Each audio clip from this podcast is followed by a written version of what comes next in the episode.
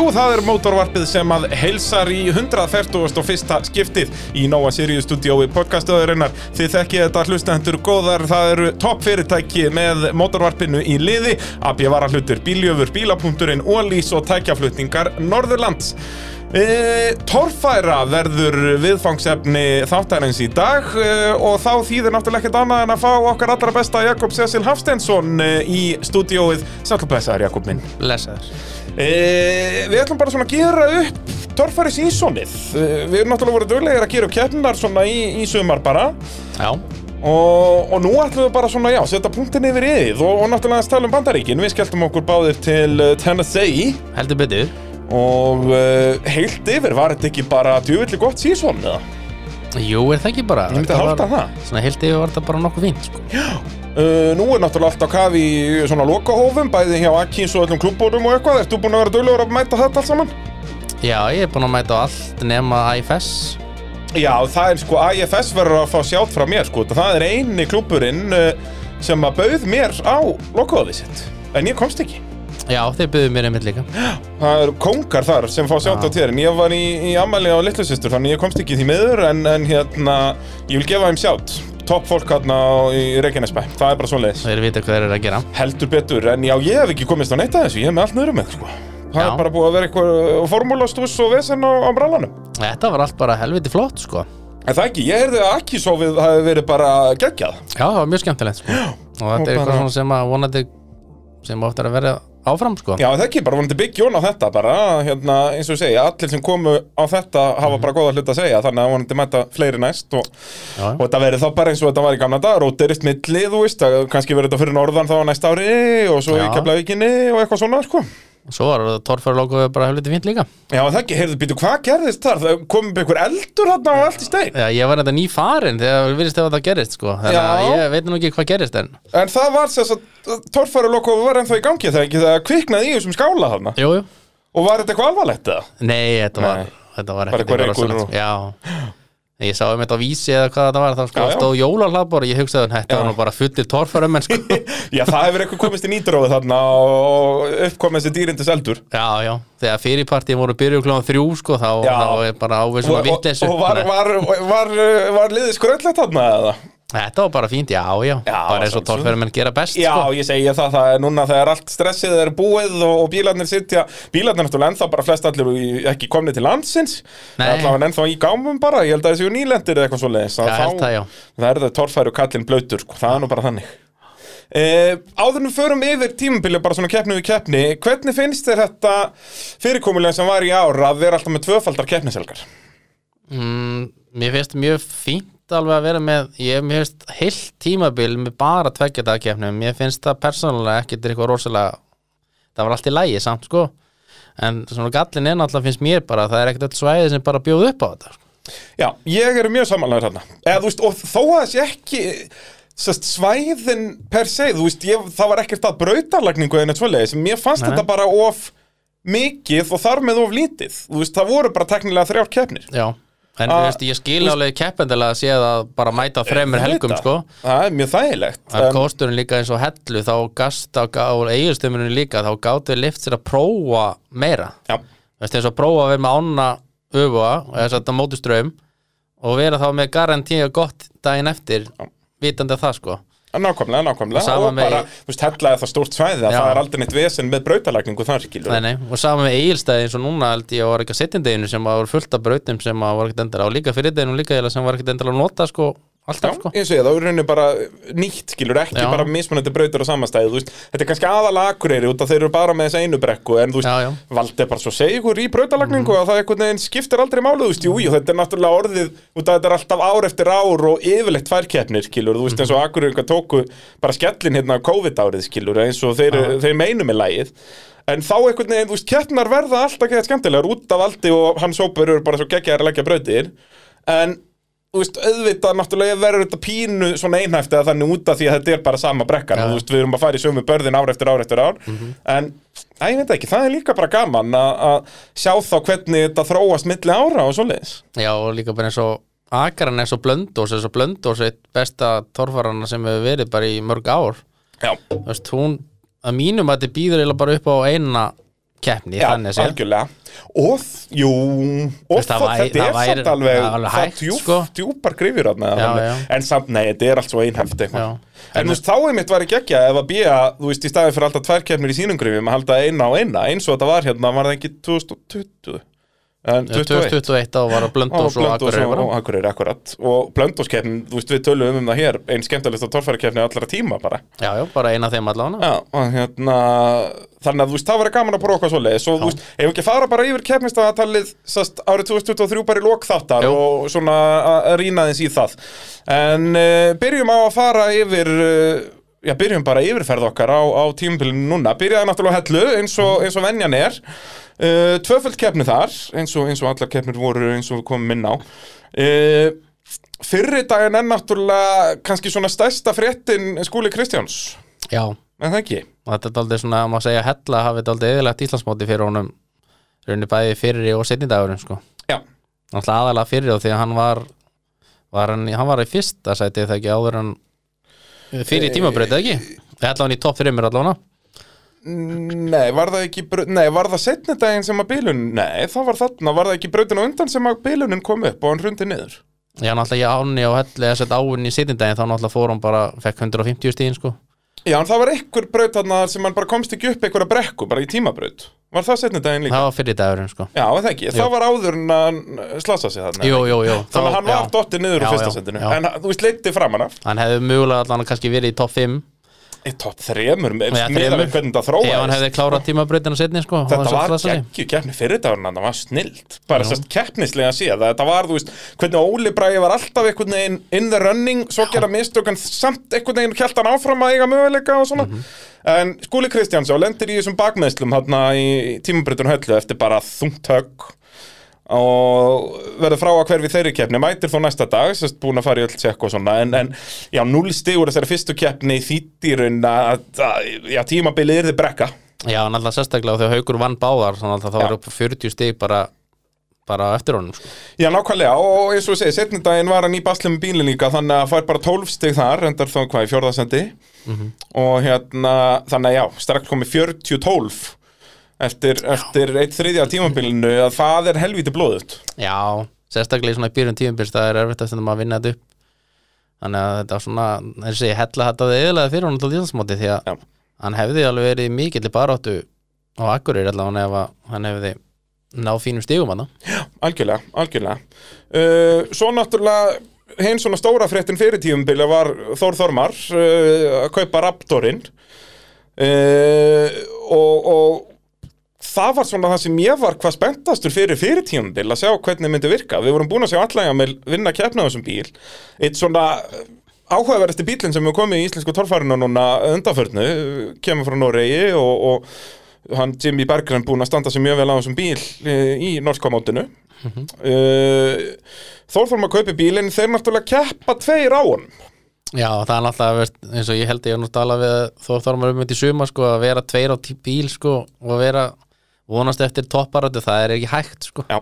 Og Þór Þormar sagði það alveg, þú veist, ég náði fínu spjallin við hann í bandaríkjónum og hérna, og hann sagði það bara nákvæmlega, þetta var, veist, það var ekki komið inn í þetta ár eitthvað stórhugað um að vinna eitthvað titla, þetta var meira svona, ég prófa nýja bílinn, vera tveir á honum, þannig að þetta væri þetta þá meira, þeir var að búa til meira vesen og þeir vissu það alveg, en þú veist, auðvitað komaður í keppni bæði hann og finnur aðalbjörns til að vinna, því ég minna þannig að bara hausinn skrúaðar á herðarnar að þeim en, en þeir tölu alveg um það að, að, að auðvitað gáttu þeir kannski ekki búist við að vera í titilslag en þú veist, það var alltaf in the back of the mind að, að þú veist, ef að Þór eða Finnur eru skyndilega komnir í titilslag þá myndu annar þeirra að gefa bílinn Já, já, náttúrulega Þór Þormar var nú alveg í þriðja sæti eftir fyrir síðustu braut á fyrirdegir sko. Já, endar þá fjórðu út og þá er skiptingin farinni og þegar ekki? var samt búin að fara aftur fyrir það held ég þegar ekki í tímabrautina. Samt var hann í þriðja sæti þannig að Já, hann var að keira þrjussu vel. Já. og hérna, en náttúrulega voru í baslið með bílinn og setni dagur fer svo svolítið í vaskin eftir hérna velduna og finni var það ekki annari braut? Sem hann brýtur þá var það ekki drifið það sjálf já, þriðju brautinni Þriðju sem á fyrirdeginum og hérna, og þá missa þær á brautum og, og svona, það fór svolítið í vaskin og, og þeir fá bara báðir núlstegi á setni daginn Já, hann náttúrulega, hann, Þór kerði bara sinni daginn, Finnur kerði ekki sinni daginn sko. Já, og Þór, Þór Þór náttúrulega fekk tilþrif, ásins náttúrulega fyrir setni Auðvitað, daginn já, það var hvað í fyrstu braut á söndi þegar hann fer fram fyrir sig en já, ég veit ekki hvernig hann náða að berga sig Það er með að hafa þungan hægri fót Já. Þannig bjargaði hann sér. Og náttúrulega bara, þú veist Það sem maður átt að sig kannski ekki á þetta, maður sér það ekki að það náttúrulega, sérst, það hafa flest allir séð þetta moment að þegar hann fer þarna uh, framfyrir sig, hann lendir bara á framvakslinum og nær að spóla sig út úr því Mhm. að, að þú náttúrulega þegar þú stendur torfærubíl í loftinu þá út af þessum skópludekkjum og eins og sérstaklega með Raptorin þegar bílinn sjálfur er til dæla lítill og dekkin stór að þetta gerir bara hellingu upp á skriðþungan þú veist að stoppa skriðþungan í veltunu þú veist hefði hann bara þó ekki einu sinni stað á bremsun heldur bara láta hann ganga haga ganga þá hefði hann nú sennilega farið fram fyrir þannig já, líklega og þá mögulega hefði veltubúrið kannski eitthvað. Já, þetta er alltaf þung högg sko þegar þetta er svona beint á búrið sérstaklega eftir svona stökk sko. Og eins og bara Ólafur Bræði Jónsson komst að þá þetta fyrirgefur ekkert þarna efnaðan uppi nei. þannig að það hefði getað farið illa semst, já, með að, að veltibúr hefði getað bóknað Mhm. en, en uh, Þór tekur það ekki mál að velta hann hann Nei. grjótstandan og, og auðvitað fekk hann uh, til þrjá vassins fyrir þetta því þetta var bara styrla þetta var stjórnlað sko. Það er bara þannig. Uh, Ólafur Bræði Jónsson uh, hann náttúrulega lendir í, í þessu slisi þarna það er í byrjun annars dags. Já, braut 2 og og þá bara verður hann að hætta keppni á, á tímabilinu því miður, hvað, hva, er hann ekki að bráka eitthvað ryggjalið, manstu hvað gerðist þarna? jú, var það ekki, ég held að það veri eitthvað það. í bakkinu eitthvað, hann að tveir, þryggjulegir eitthvað og hérna, náttúrulega agalegt því að það hefði verið geggja að sjá hann taka heilt tímabil ég held nefnilega að það var stefnan hjá þeim að taka heilt yfirbil þannig að það hefði verið Já, einmitt út af þessu, að, Já. þetta voru bara þrjár keppnishelgar, þú veist, Óli Já. Bræði er yfirleitt að mæta kannski tvær til þrjár keppnur ári og þá hendaði það núna bara, og fyrst hann mætti á hellu þá svona auðvitað myndi hann mæta heilt tímabil út af náttúrulega næsta keppni væri þá tvöfælt keppni, heimakeppni og akkur er og, stutt og akkur er stutt sko. Þannig og, og þú veist sérstaklega ef hann ætti ennþá möguleika á titli eftir eigilstaði að þá hann er bara sagt sér sjálf og það er náttúrulega verið fíja nesmót líka þannig að hann hefur örugglega mætt sko þannig. að- já 100%, 100%. Uh, þannig að bara synd og skömm að að, hérna, að, þetta gerist fyrir Óla þarna út af því að hann var náttúrulega sínt alveg hvers megnuður hann var þarna á fyrirdeginum algjörlega sko, hann kerði bara virkilega vel sko, svona, þannig, hann náttúrulega velti í tímabröðinu já, já. hann sem eru náttúrulega bara einn svona stærstu mistökin í þeirri keppni í rauninni. Já, já, því að hann var með langbesta tíma fram að þessu og svo er þetta klansíska uppeyjan þarna ég elska helli tímabreytir já, já. Þetta er þetta ásamlegt og því að hann var með langbæsta tíman í fyrir tímabröðinu Já. sko, og var að stefni í langbæsta tíma þarna líka. Og þá hafði hann bara náð hauki, hafði hann ekki verið komin upp í fyrsta þendi þá? Þetta haukur var ekkert Já. svo hraður í tímabreytunum nei, svo náttúrulega líka eins og segi Geirivert var náttúrulega með fórustuna já, hann náttúrulega var rosalega óöppin þetta var náttúrulega bara gerðverðs keppni að vinna. Já, og líka það, þetta er náttúrulega mikið áhrif á Íslandsmóti því að Geirivert hefði verið miklu nær honum sko ef hann hefði núna að klára. Já, og ef við tölum bara um, um gerðverðt á, á hellu, uh, eins og segi Sintos kom með sálabraga þarna út en, en gerðverðt uh, ég er með, ef maður horfður tilbaka þá fer Íslandsmeistartitillin þarna. Í rauninni já, sko, alltaf gamla góða EF en, Já, já. en ég held samt að ef hann hefði klárað þessa tímabröð þá hefði hann unnið þessa keppni allavega. Já, og þá, þú veist, þá er hann að græða 12 stig Já. og taka þrjú af haug, þannig að hann er raunin að græða 15 stig. Munurinn á þeim eftir tímubili voru 16 já, já, en þetta náttúrulega hefði sett upp tímubili allt öðruvísi. Já, já, þá var náttúrulega akkur eða kannski geta þróast allt öðruvísi. Já, já, og bara eigilstæð, þú veist, út af þá hefði verið allt, allt öðruvísi pressa á já. skilur, þú veist, haugur gætt svo spilað á foskvotið sem eftir var tímubils og gerði það náttúrulega lista vil eins og við munum koma inn á eftir en, en hérna þetta er svona eitt af stórum augnablikum tímubilsins þetta Já. er þess að í ánni lokapraut setnudags geruvert með eh, hvað, hann þurfti að ná bara svona meðalgóðum tíma ég held 33 sekundur eða eitthvað svo Já, þurftur henni bara að fljóta yfir sko sem hann hefði Já. líklega gert með að við miða við það sem erum við séð Já. eftir á sko Já. leikandi, en, en fer þannig í bakkan sem að, sem að Siggi Jippi var búin að fara í mm bara mjög brattur og virtist vestna svakalega. Já. Og svona spurning hvort hann hefði verið eitthvað hefnar eða verið frámæri rásröð þarna en, en hann líka fer aðeins svo langt til vinstri í hennan bakka Já, já, já. og, og brýtur stýrisenda þar og, og næri ekki að klára tíumbreyt sem náttúrulega kostar hann bara já, 200 stig og Já, já, Það- fór hann ekki nýri í fjórðasæti eða fimmtasæti eitthvað hann sjötta held ég, hann fór bara Sjötta? 8 stig. Já, já, er það, er það fynda? Nei, það er sjötta eða ekki? Jú, það er sjötta og það síndi líka slægin á topnum að bara það kláru ekki tímumbreytnir í sjötta seti já, ég meina sko Þórður Alli sem var í öðru sæti og Ingi var í þriðja þeir voru held í voru þeir ekki fjórða og fymta, fymta og sjötta Já, sjötta og eitthvað já, svoleiðis. já, nákvæmlega. Og hoppa upp í annað og þriðja sem var náttúrulega styrla og Þórður allir klárar hérna vatnið og sprungna framann já. uh, lætur það nú ekki stoppa sig. Og tímubili byrjaði heldur betur vel hjá, hjá Þórði alla og stemdi í bara geggja tímubili, hann var búin að sína alla réttu taktana í fyrra. Já, Þorður að já. kemur nýrinn í torfæruna, kaupir Íslandsmeistara bílinn, mætir all-in í þetta uh, og þú veist, ekki neitt ragur, fínn í tímabrautunum og, og syndi bara bæ, bæting og bæting og bæting og yfir allt tímabíla. Var ennþá að gera vissulega svona auðlamistök eins og gengur gerist í, í torfæruna, þú gerir þau ekki að þá ert ekki að þá ertu of ragur í rauninni, þess að sagt, já. Já. ef þú veltur ekki bjánalegi hliðarhalla þá, þá myndi aldrei vita hvernig þú veltur bjánalegi hliðarhalla og þá verður alltaf ragur í hliðarhalla Já, já. Þannig að þetta er bara eitthvað sem þú verður að tikka af listanum og, og Þórður gerir það svo sannarlega Byrja tímabilið mjög vel en síðan náttúrulega fer tímabilið bara fjandans til hjá Þórður allavega á hans liði Já, í rauninni, hann nær velunapallin á þeir lók síðast árs Já, Akureyri og byrjar aftur á og röð svo bara einhvern veginn, já Já, svo sko, hann fær þarna 17 stig fyrir annarsættið á hellu. Það sem eftir lifir tímabils fær hann 19 stig. Já, Hann fær 0 stig annan daginn á hellu 1 stig fyrsta daginn á eilstöðum 8 stig annan daginn á eilstöðum 0 stig fyrsta daginn á Akureyri og svo 10 stig setna daginn á Akureyri. Já, hann datt út þarna á Akureyri náttúrulega hérna. Í fyrir daginn. Eftir, var ekki skipting held ég, ég mann hvað það var. Jú, var það ekki skipting? Þeir voru flestir í ykkur skiptingabassi á þarna. Já, það var allan á, eftir tímabrautina á Akureyri þá, þá allan hættan bara, út sko. já, akkurat. Þannig að, að Já, tímabili byrjaði mjög vel hjá Þórði Alla og hans liði en uh, já, svo svona fór krafturinn að súri sem hann hjá þeim. Já, og þetta að segja það. Uh, Ingi Már Björnsson, er það ekki bara svona spútning þessa tímabils? Jú, það ekki. Búin að, þú veist, ekki búin að keppa í hvað 20 ár, rúm 21 eða eitthvað, Kepp, hvenær keppt hann síðast? Var það 2000 eða 99? uh, 99 Já, þannig að þetta er 23 ár Eða síðan hann ekki, keppti jú, síðast. nei, Jú, hann er það kefti ekki 99 held ég. Já, keppti síðast bara 98 Ég held það. 99 kefti hérna var Kristján Jóhannes á honum. Alveg rétt, þá er Kristján Jóhansson búin að kaupa mörinn sem er einmitt uh, bróðir Ingvars Jóhannesson Já. sem við tölum um á, á eftir. Ég held að síðast að hann hafi verið 98 já, að þetta er 24 ár sem Já. hann kefti síðast.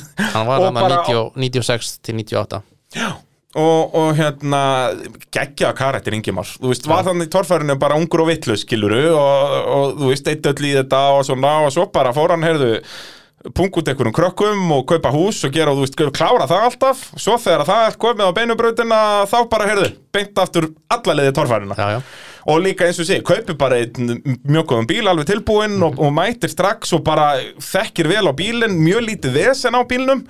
Og Ingimar bara hefur einhver glemt nei, nei, og tókum við bara velunarsætti bara strax í byrjun. Já, og hann, veist, hann er heldur ekki dragun eitt, hann bara letti vaðið Nei, ég allt saman sko. hvað var hann ekki, hann var svona upp þeir með veltukongunum með það ekki, var hann ekki í top 3 á yfir sá sem velti mest hann var veldur kongur sko. Hann var veltukongurinn með, ákvæmlega. sem sagt, ef við tökum bandarækin með sko. Já, hann var náttúrulega helvítu duglegur að velta það, svo var hann, fekk hann veldu ásins sem er hvað? það var Akureyri. Já, akkurat. svo var hann valin villimaður ásins líka þannig Já. að hann er aldrei viltur á, á gjöfinni Auðvitað, enda, enda veltukongur Já, já. og með veltu ásins, þannig að þetta helst allt saman í hendur og, og bara mjög skemmtilegur, sagt, mjög áhöröndavætt, en samt einhvern veginn svona, þetta er samt sko, Þórður allir fekk alla þessa titla nánast í fyrra já, og nú enginn var að taka Þórður var alltaf fyrsta ára hans í fyrra sko. já, þannig yngjum var núna á fyrsta ári, svona þannig séð. já, já, svona þannig Já, ég meina, tórfaran er bara, þetta svart og hvít með hvernig það var. já, já,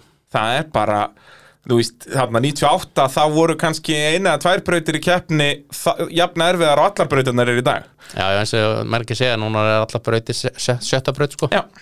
sem er, já, mínum, það er atvinniskapandi fyrir okkur já, já, já, það er bara svoleiðis og, og líka bara þetta að þá skiptir ásröðin minnamáli.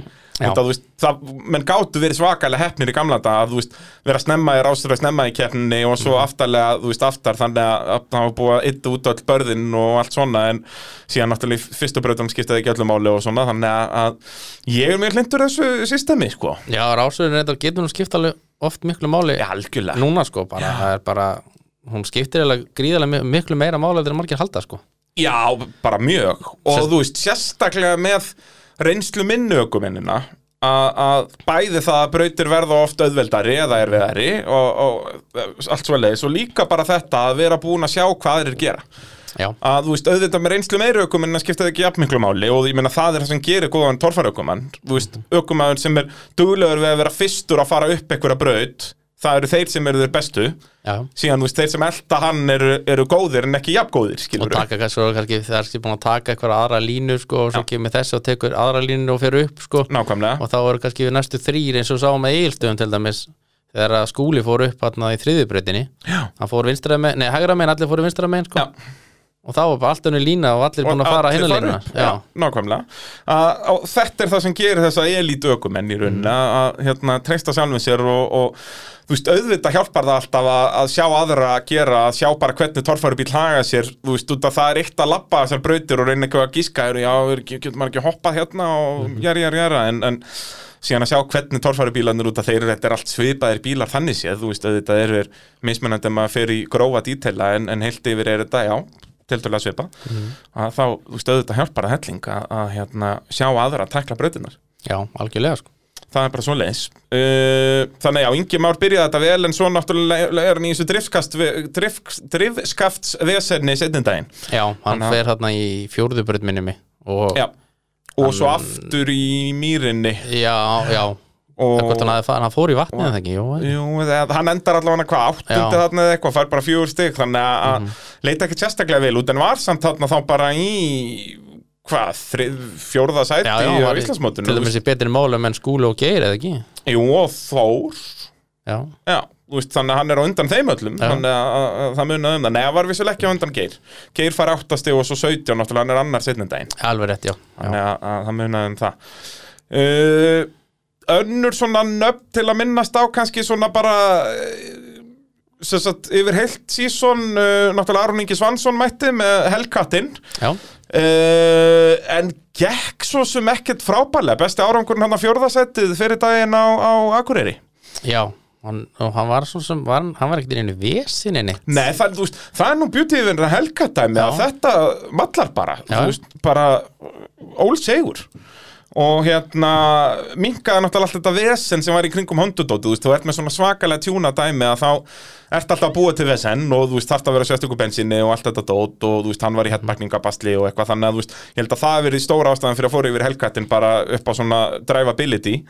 Uh, og helgatin að virka ágætlega þú veist, það voru alveg sum stöðum það sem manni fannst vant aðeins meira afl. Já, svo fann, hann, var, hann breytti svo eitthvað uppsetningunni í lók sumas, hann var Já. miklu sprækar í rauninni í lókin og maður sá það líka, þú veist, eins og í löngubrekkunum Akureyri, þá var þetta alveg farið, þá Já, var já. maður einhvern veginn aldrei að hugsa ef hann væri með aðeins meira afl, þú veist, þann bara en þá líka kannski hann líka meira læri inn á þetta, skilur, að- að kannski að gefa inn aðeins fyrir eða hvernig sem það var, bara að og þú veist, það er þetta er það sem ég, ég hef svona kannski mest á móti Aronni, hvað hann er hann er svo duglegur að breyta alltaf veist, hann, hann heldur sér aldrei á bara sama setupinu tímbil eftir tímbil út að ég held að hann þurfi svo svakalega á því að halda. Já, er alltaf að læra, læra kannski eitthvað nýtt veist, venjast þessu, venjast þessu, hinu þessu.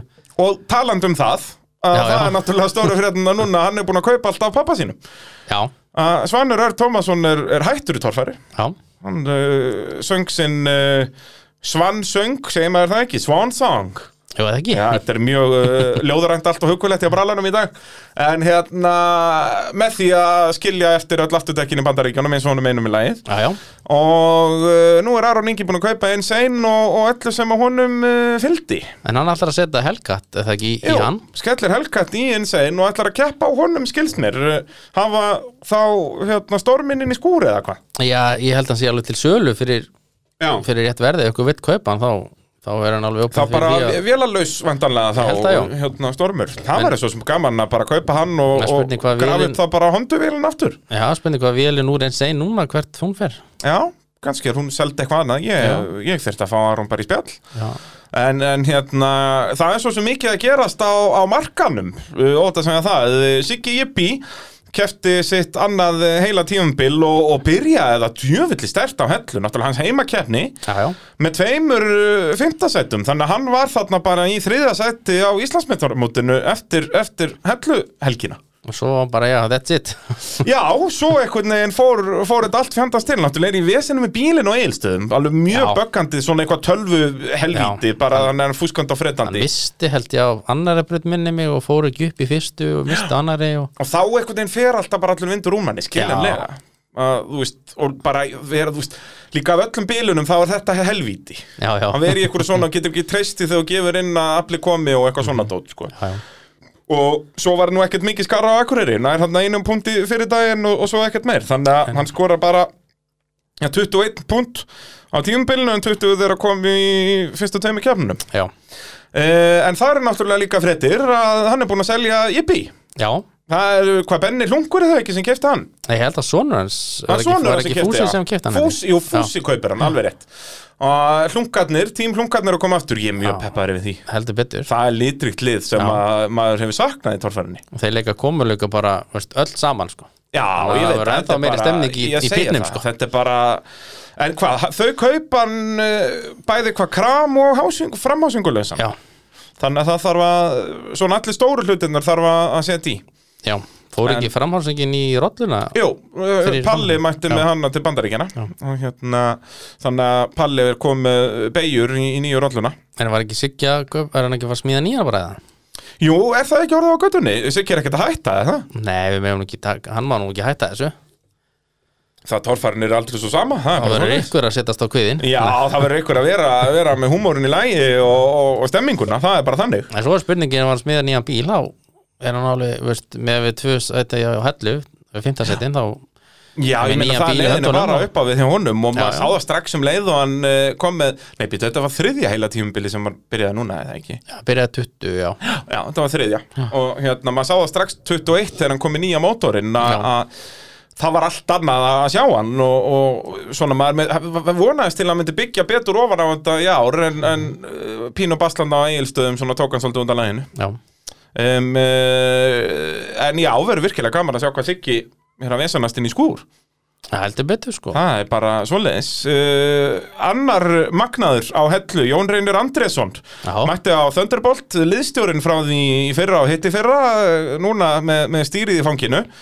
Uh, Lendir náttúrulega í þessari frekar harkalegu velta hann strax í fyrstu braut Já, Hún leit ekki harkalega nei, út. Nei, það er með það sem ég var að pæla sko. Hún leit ekkert illa út sko En hann, hann, hvað, rifbjörnsbrotnaði það ekki? Já, rifbeinsbrotnar út að hann náttúrulega lendir á hliðinni bara á bjarginu, Þú veist, það er engin fjöðrun þetta er Já, bara, bara játn í játn þannig að uh, það, það brotnar hann hjá hann rifbein og hann alveg finnur fyrir því en svona tók þetta bara adrenalínu og, og geðveikinni. En fyrir vikið á setnindeginum er hann með þannig akstu stíl að rör ekki í börðin, hann læðist upp á börðunum býður eftir að framhásinginu komin upp á og stendur það þöndubolt og Já, já. turbínan kikkar inn og allt brjálað og það var að svín virka fyrir Jón Já, svo náttúrulega það sem að raunni gerði það hvað best fyrir hann var náttúrulega bara að vera fyrstur í mýrina sko. Að vera fyrstur í mýrina, fyrstu tveið, þrýr í mýrina er náttúrulega bara langt best sko. Já, og það alveg sannaði sig þarna Já. að það hérna voru ekki bara það var bara hann og, og Sævar á og Móra. Sævar og Móra akkurat, það Hauk- var bara þeir tveir. Haugu var hann á milli þeirra held ég en hann Já. hefði farið yfir ef að Já. hefði nú ekki. Já, akkurat, hann var kominn langleðina hann var held ég nú með bíl. tvö rásöð sko. Já, en Þannig að- það er alveg bara, þetta er mikið lott á með mýrina út af því að það var bara, Já, það var ótrúlegt að fylgjast með þessu, Þarna það bara stoppuðu allir. Þannig tók hann ykkur 100 og eða tæp 200 stíg Já, held ég bara 150-200 steg Já. á allan pakkan að hérna, að hann var náttúrulega búin að tapa svakalega í tímabröðunum Já, hann fór, hann fór rétt yfir skúla hana, yfir hann í þriðasætinu sko. Já, akkurat, akkurat. Og þú veist, í önrunni náttúrulega og það er alveg skiljalegt með nýlega þessu hægri tímabreytum, við sjáum það nánast alltaf. Já, já, það er mjög sjaldan að við sjáum nýlega sem er strax fljótur í tímabreytum síðasti til að gera það er bara Snorri eða eitthvað geirivert geirivert í mann, þú veist, Akkur eru bara 2015 eða eitthvað, eða strax geggjaður í tímabreytum það er alltaf breytið tímabrutir í honum Já, já, hann er vel stressaða maður. Það er hár blóðþrýstingur hjá mínu manni, það er bara þannig.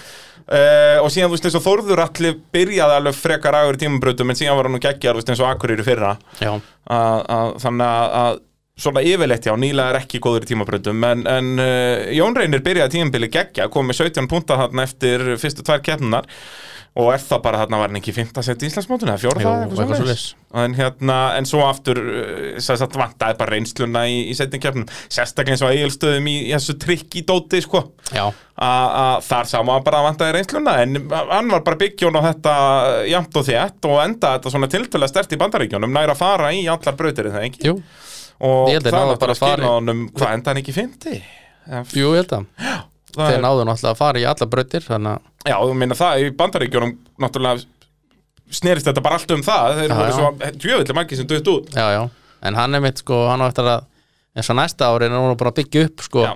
þannig að næsta ári geta hann alveg veist, það geta aðeins lengra upp sko. Ég held það, ég held að hann sagt, verði hvað ég segja, ég held að hann verði þannig í millipakkanum. Hann verður ekki alveg að berjast um titilinn en ég hugsa hann endi Íslandsmóti í svona fjórða fynda Já, hann eftir- alveg, hann gæti alveg að fara að slisa, slisa þá og palla alveg sko. Ég segi það, hann náttúrulega náði þessum einu Já, já. almenna á hellu. Ég held að það komið, þú veist, hann verði þrisvar fjóru sinnum í þessum svona topp 5, skilur, næja skora góð Já. stig hérna alveg í nokkur skipti en, en já, það vantar en það eins upp á svona consistency hjá honum. Þannig að, þú veist, ég held að verða alveg líka keppni sem hann fá 0 stig Já, en síðan verða nokkara sem hann skorar alveg, þú veist, 10 pluss stig. Þannig að, að það er svona mín spá. Það er alltaf spennandi tímabil hjá honum. Algjörlega, og hann svona var að gera allt rétt. Já, hvað þetta var þar mæti allar brautir og Mætir allar breytir, er alveg grimmur Já. uh, vissulega ragur stundum þetta velti kongurinn líka Nákvæmlega, það voru með jafnmargar eða? Já.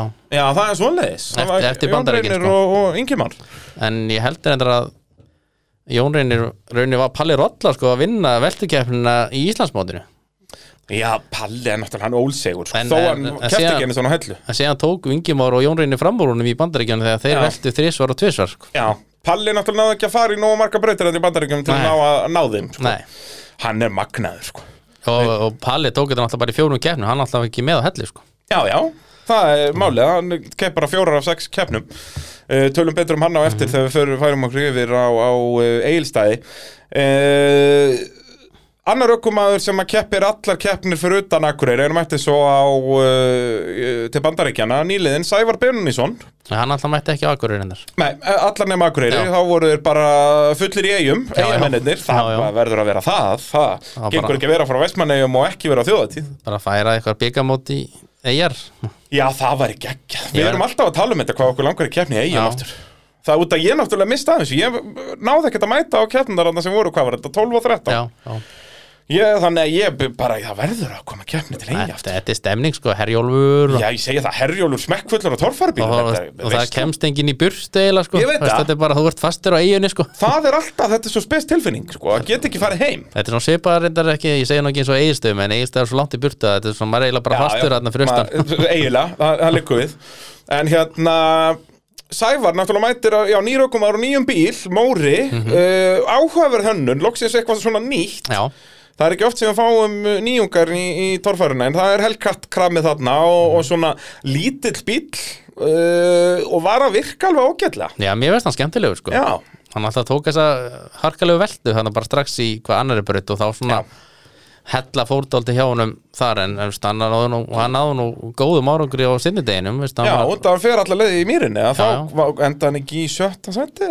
5. að 7. held ég Minnir það maður sjá, er ég ekki með þetta fyrir, fyrir, Jú, sjötta seti, áttastig Já. en hérna kem svo stigalaus frá, frá eigilstöðum en næra mæta í flest allar brautir og, og aftur bara gera hlutina svolítið rétt Já, þeir voru ykkurum ykkurum vandræðum hann á eigirstöðum sem er skiljanlega náttúrulega bara nýr bíll og veist, þetta er bara, Já, veist, bara vera að prófa allt þetta er það eitthvað stýristæla og eitthvað sem var vesen skilur þetta er bara, veist verið betra næsta ári Ég segi það bara skiljanlegt og vonandi eins og ég segir að þeir lærðu vel á þessu tímabil og ná að mæta þá með bílinn alveg 100% í allar keppnir þannig að þá er þetta að fara að læra almennilega á þetta allt saman Já, og, svo núna eru við með heilt tímabil til að fara yfir hvað er, veist, hvað er gott og hvað er slæmt Já, og núna geta að gera bara smá breytingar og, en vonandi ekki of mikið af breytingum Nei, og nei. þá þarf að læra alltaf upp á nýtt og þú veist ég hugsa að Sævar verið í komin í titilslag getur hreinlega að farið strax í titilslag bara 2024 ég held að næsta ár farið svolítið aftur í að einmitt byggja og ná og, já. og þá var þetta bílinn komin í lag og þá er þetta fókusa meira á ökumanninn og svona dót og, Mhm. og svo 24 getur verið árið þeirra. Aldrei að vita. Hver veit, hver veit. Uh, Annar nýr bíl sem kom í torfæruna uh, Ótemjan, nýja. Já, Guðmundur Eliasson uh, sest, og, og félagar hans í Viki Mýrdal taka allt kramið og hásingar og allan pakkan úr gömlu óteminu og smíða bara nýja grind og það er þá aðalega að hugsa hvað er léttan aðeins en aðalega svona þannig að sé þægilega að komast að öllu í raunina bílinn sé bara allur þægilegri sem norska hönnunarna var ekki að hjálpa þeim í því. Nei, og svona læri þingdapunktur og, og svona huguleg heint og hann var hann ekki breyðari líka? Jú, aðeins ekki. breyðari, svona bara til að gera stöður í Já. rauninni, svona hérna, hérna og bara, já, librari og allt þetta.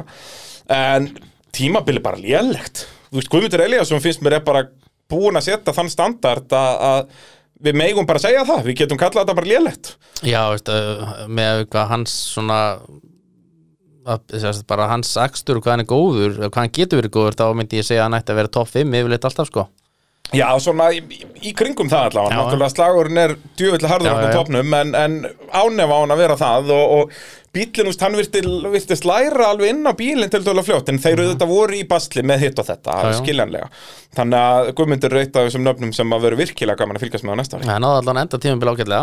Já, þú endar á palli í. Það munar um það, hérna Það er eins og segja, ná smá confidence í bílinn. Og það er líka eins og segja, tvekja það að keppni og hann er að kera allar brautir og, Svona og gott veganæstu fyrir næsta algjörlega, algjörlega uh, Fjölnir Guðmannsson uh, mætti aftur til leiks og mætir í allar keppnir. En fórirunni bara aftur á bakk frá því fyrra? Já, í rauninni sko.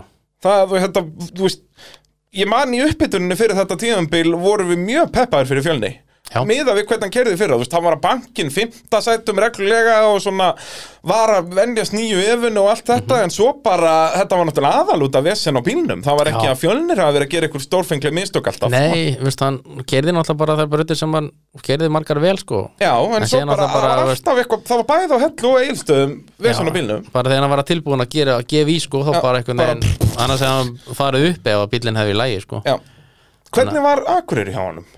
hann að? Hann fær 0 og 0 stig þar, var hann aftur í ykkur bílir í það? Já, hann var hann bílir í á fyrirdeginum eitthvað Sint og skömm og eins og segi, út af bílinn þetta var allt komið í fyrra og svo Já, bara einhvern veginn fór þetta aftur á bak núna Mhm. því að já ég var, ég var svo peppað fyrir fjölni fyrir þetta tímabil. En vonandi bara ég nái að þurka þetta einhvern veginn út og bara mæta, Já, já, veist, mæta aftur með sama peppið og var eftir 21 núna 23 þetta er náttúrulega bara er þannig bara í veist, þetta snýst bara um að bílinn sé í lægi sko. Já, algjörlega. Það er bara, þú getur ekki náða árangur nema að bílinn sé í lægi sko. Já, það hefur, það hefur vissulega nokkrir sko hérna, nei, fullt, fullt af ökumunum segja ná árangri með bílinn í lægi en það hefur aldrei nokkur einasti maður ná neinum árangri í torfæri með bílaðan bíl. Já, já, það hefur bara ekki gæst að, uh, þannig að það er eins og segir nummer 1, 2 og 3 uh, svo á hellu, já, náttúrulega Svanur mætir í allar keppnir eða ekki Jú, sem vorum að tala um áðan en kemur stigalus út í tímabilinu. Einu ökumæður sem kefti allar keppnir þess að skora stig. Já, þannig að eiginstöðum þá var náttúrulega mætti hann bara í fyrstu breytina. Svo, alveg rétt. Og þá hérna bara bílaði bíl sko, hann fór einmitt upp sko. Já, akkurat, Og svo svo bilaði ekki, ekkert meir. Já.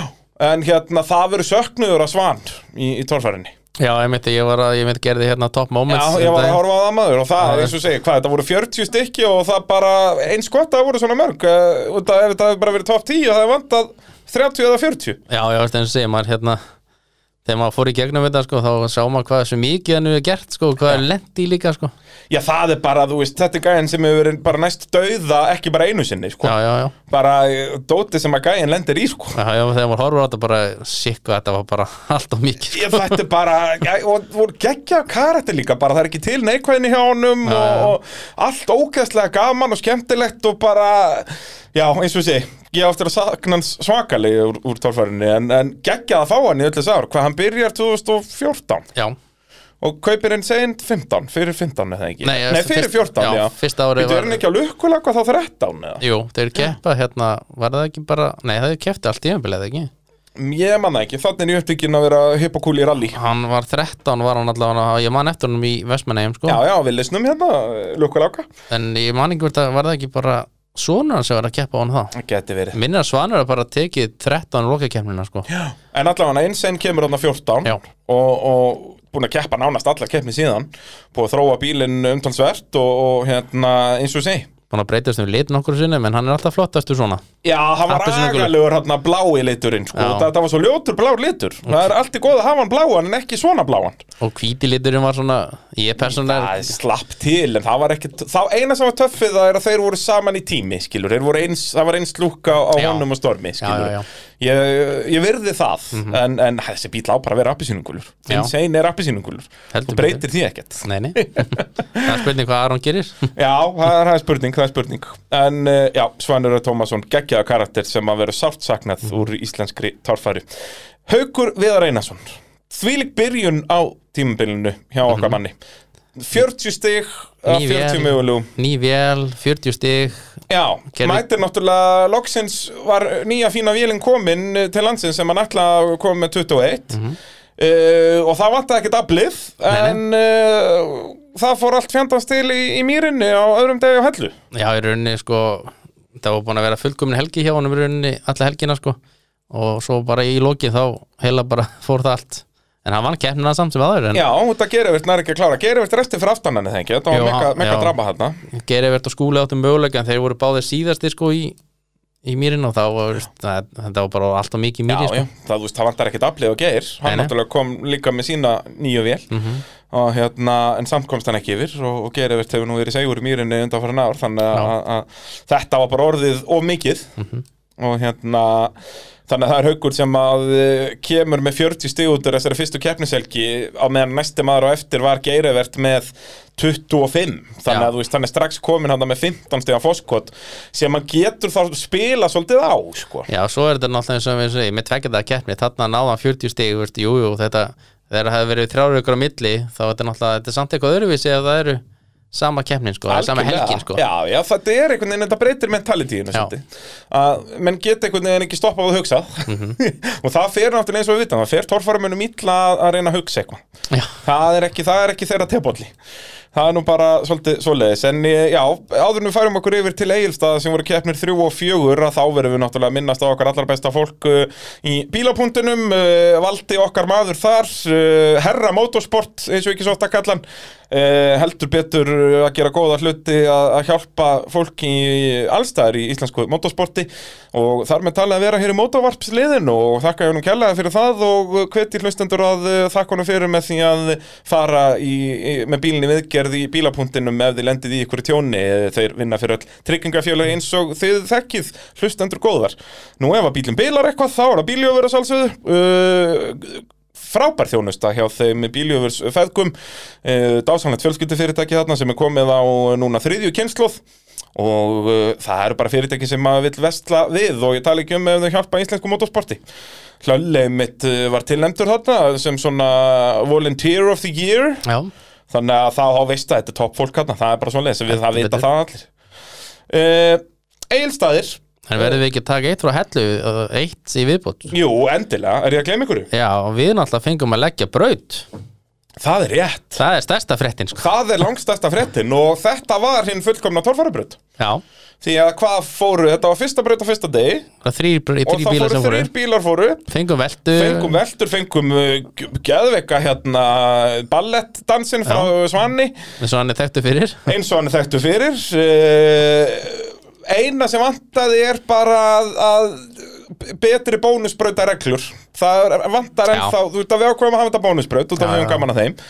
En hérna, það vantar ennþá að bónusinn sé meiri Eins Já. og var reyndi bandaríkjónum og fannst mér það virka mjög vel Það var 100 stig sko Já, að, og jafnvel finnst mér að fara bara hærra sko. Já, sko, Bara 50 fara með þetta- er náttúrulega bara eiginlega ekki neitt sko Nei, það er ein stikandi miðan bíl er 40 Já, Þannig já. að þú veist, þú frekar vandaði bara og pælir ekki í þessum 50 eins og þarna í okkar braut fóru hvað sem er bara þrýr bílar upp Þannig Já, að bílinn má lélegast að tímanum fekk samt 15 bónustig Já, Þannig hann að- fór ekki trætt sko Nei, hann- var bara á rúmri mínútað keinenda sko. Já. Þannig að- að ég legg til að bónusbreytir verði bara 200 stig fyrir besta tíma og svo verði sömu reglur og í tímabraut Þannig að Þá er eitthvað svona að græða basically sko Já, já, og ef þú ert þá 20 sekundum hægari en hraðasti tímið, þá færðu engin já, Þetta eru þá sagt 20 sekundur út að þetta er, þetta er 10 stig per sekundu Mhm.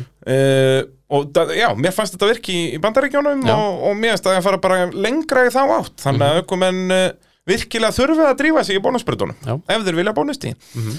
Uh, en já, það er ekki okkar að ráða því. Við Nei, nei. vonandi að einhver er að hlusta á þess að vitlis í okkur.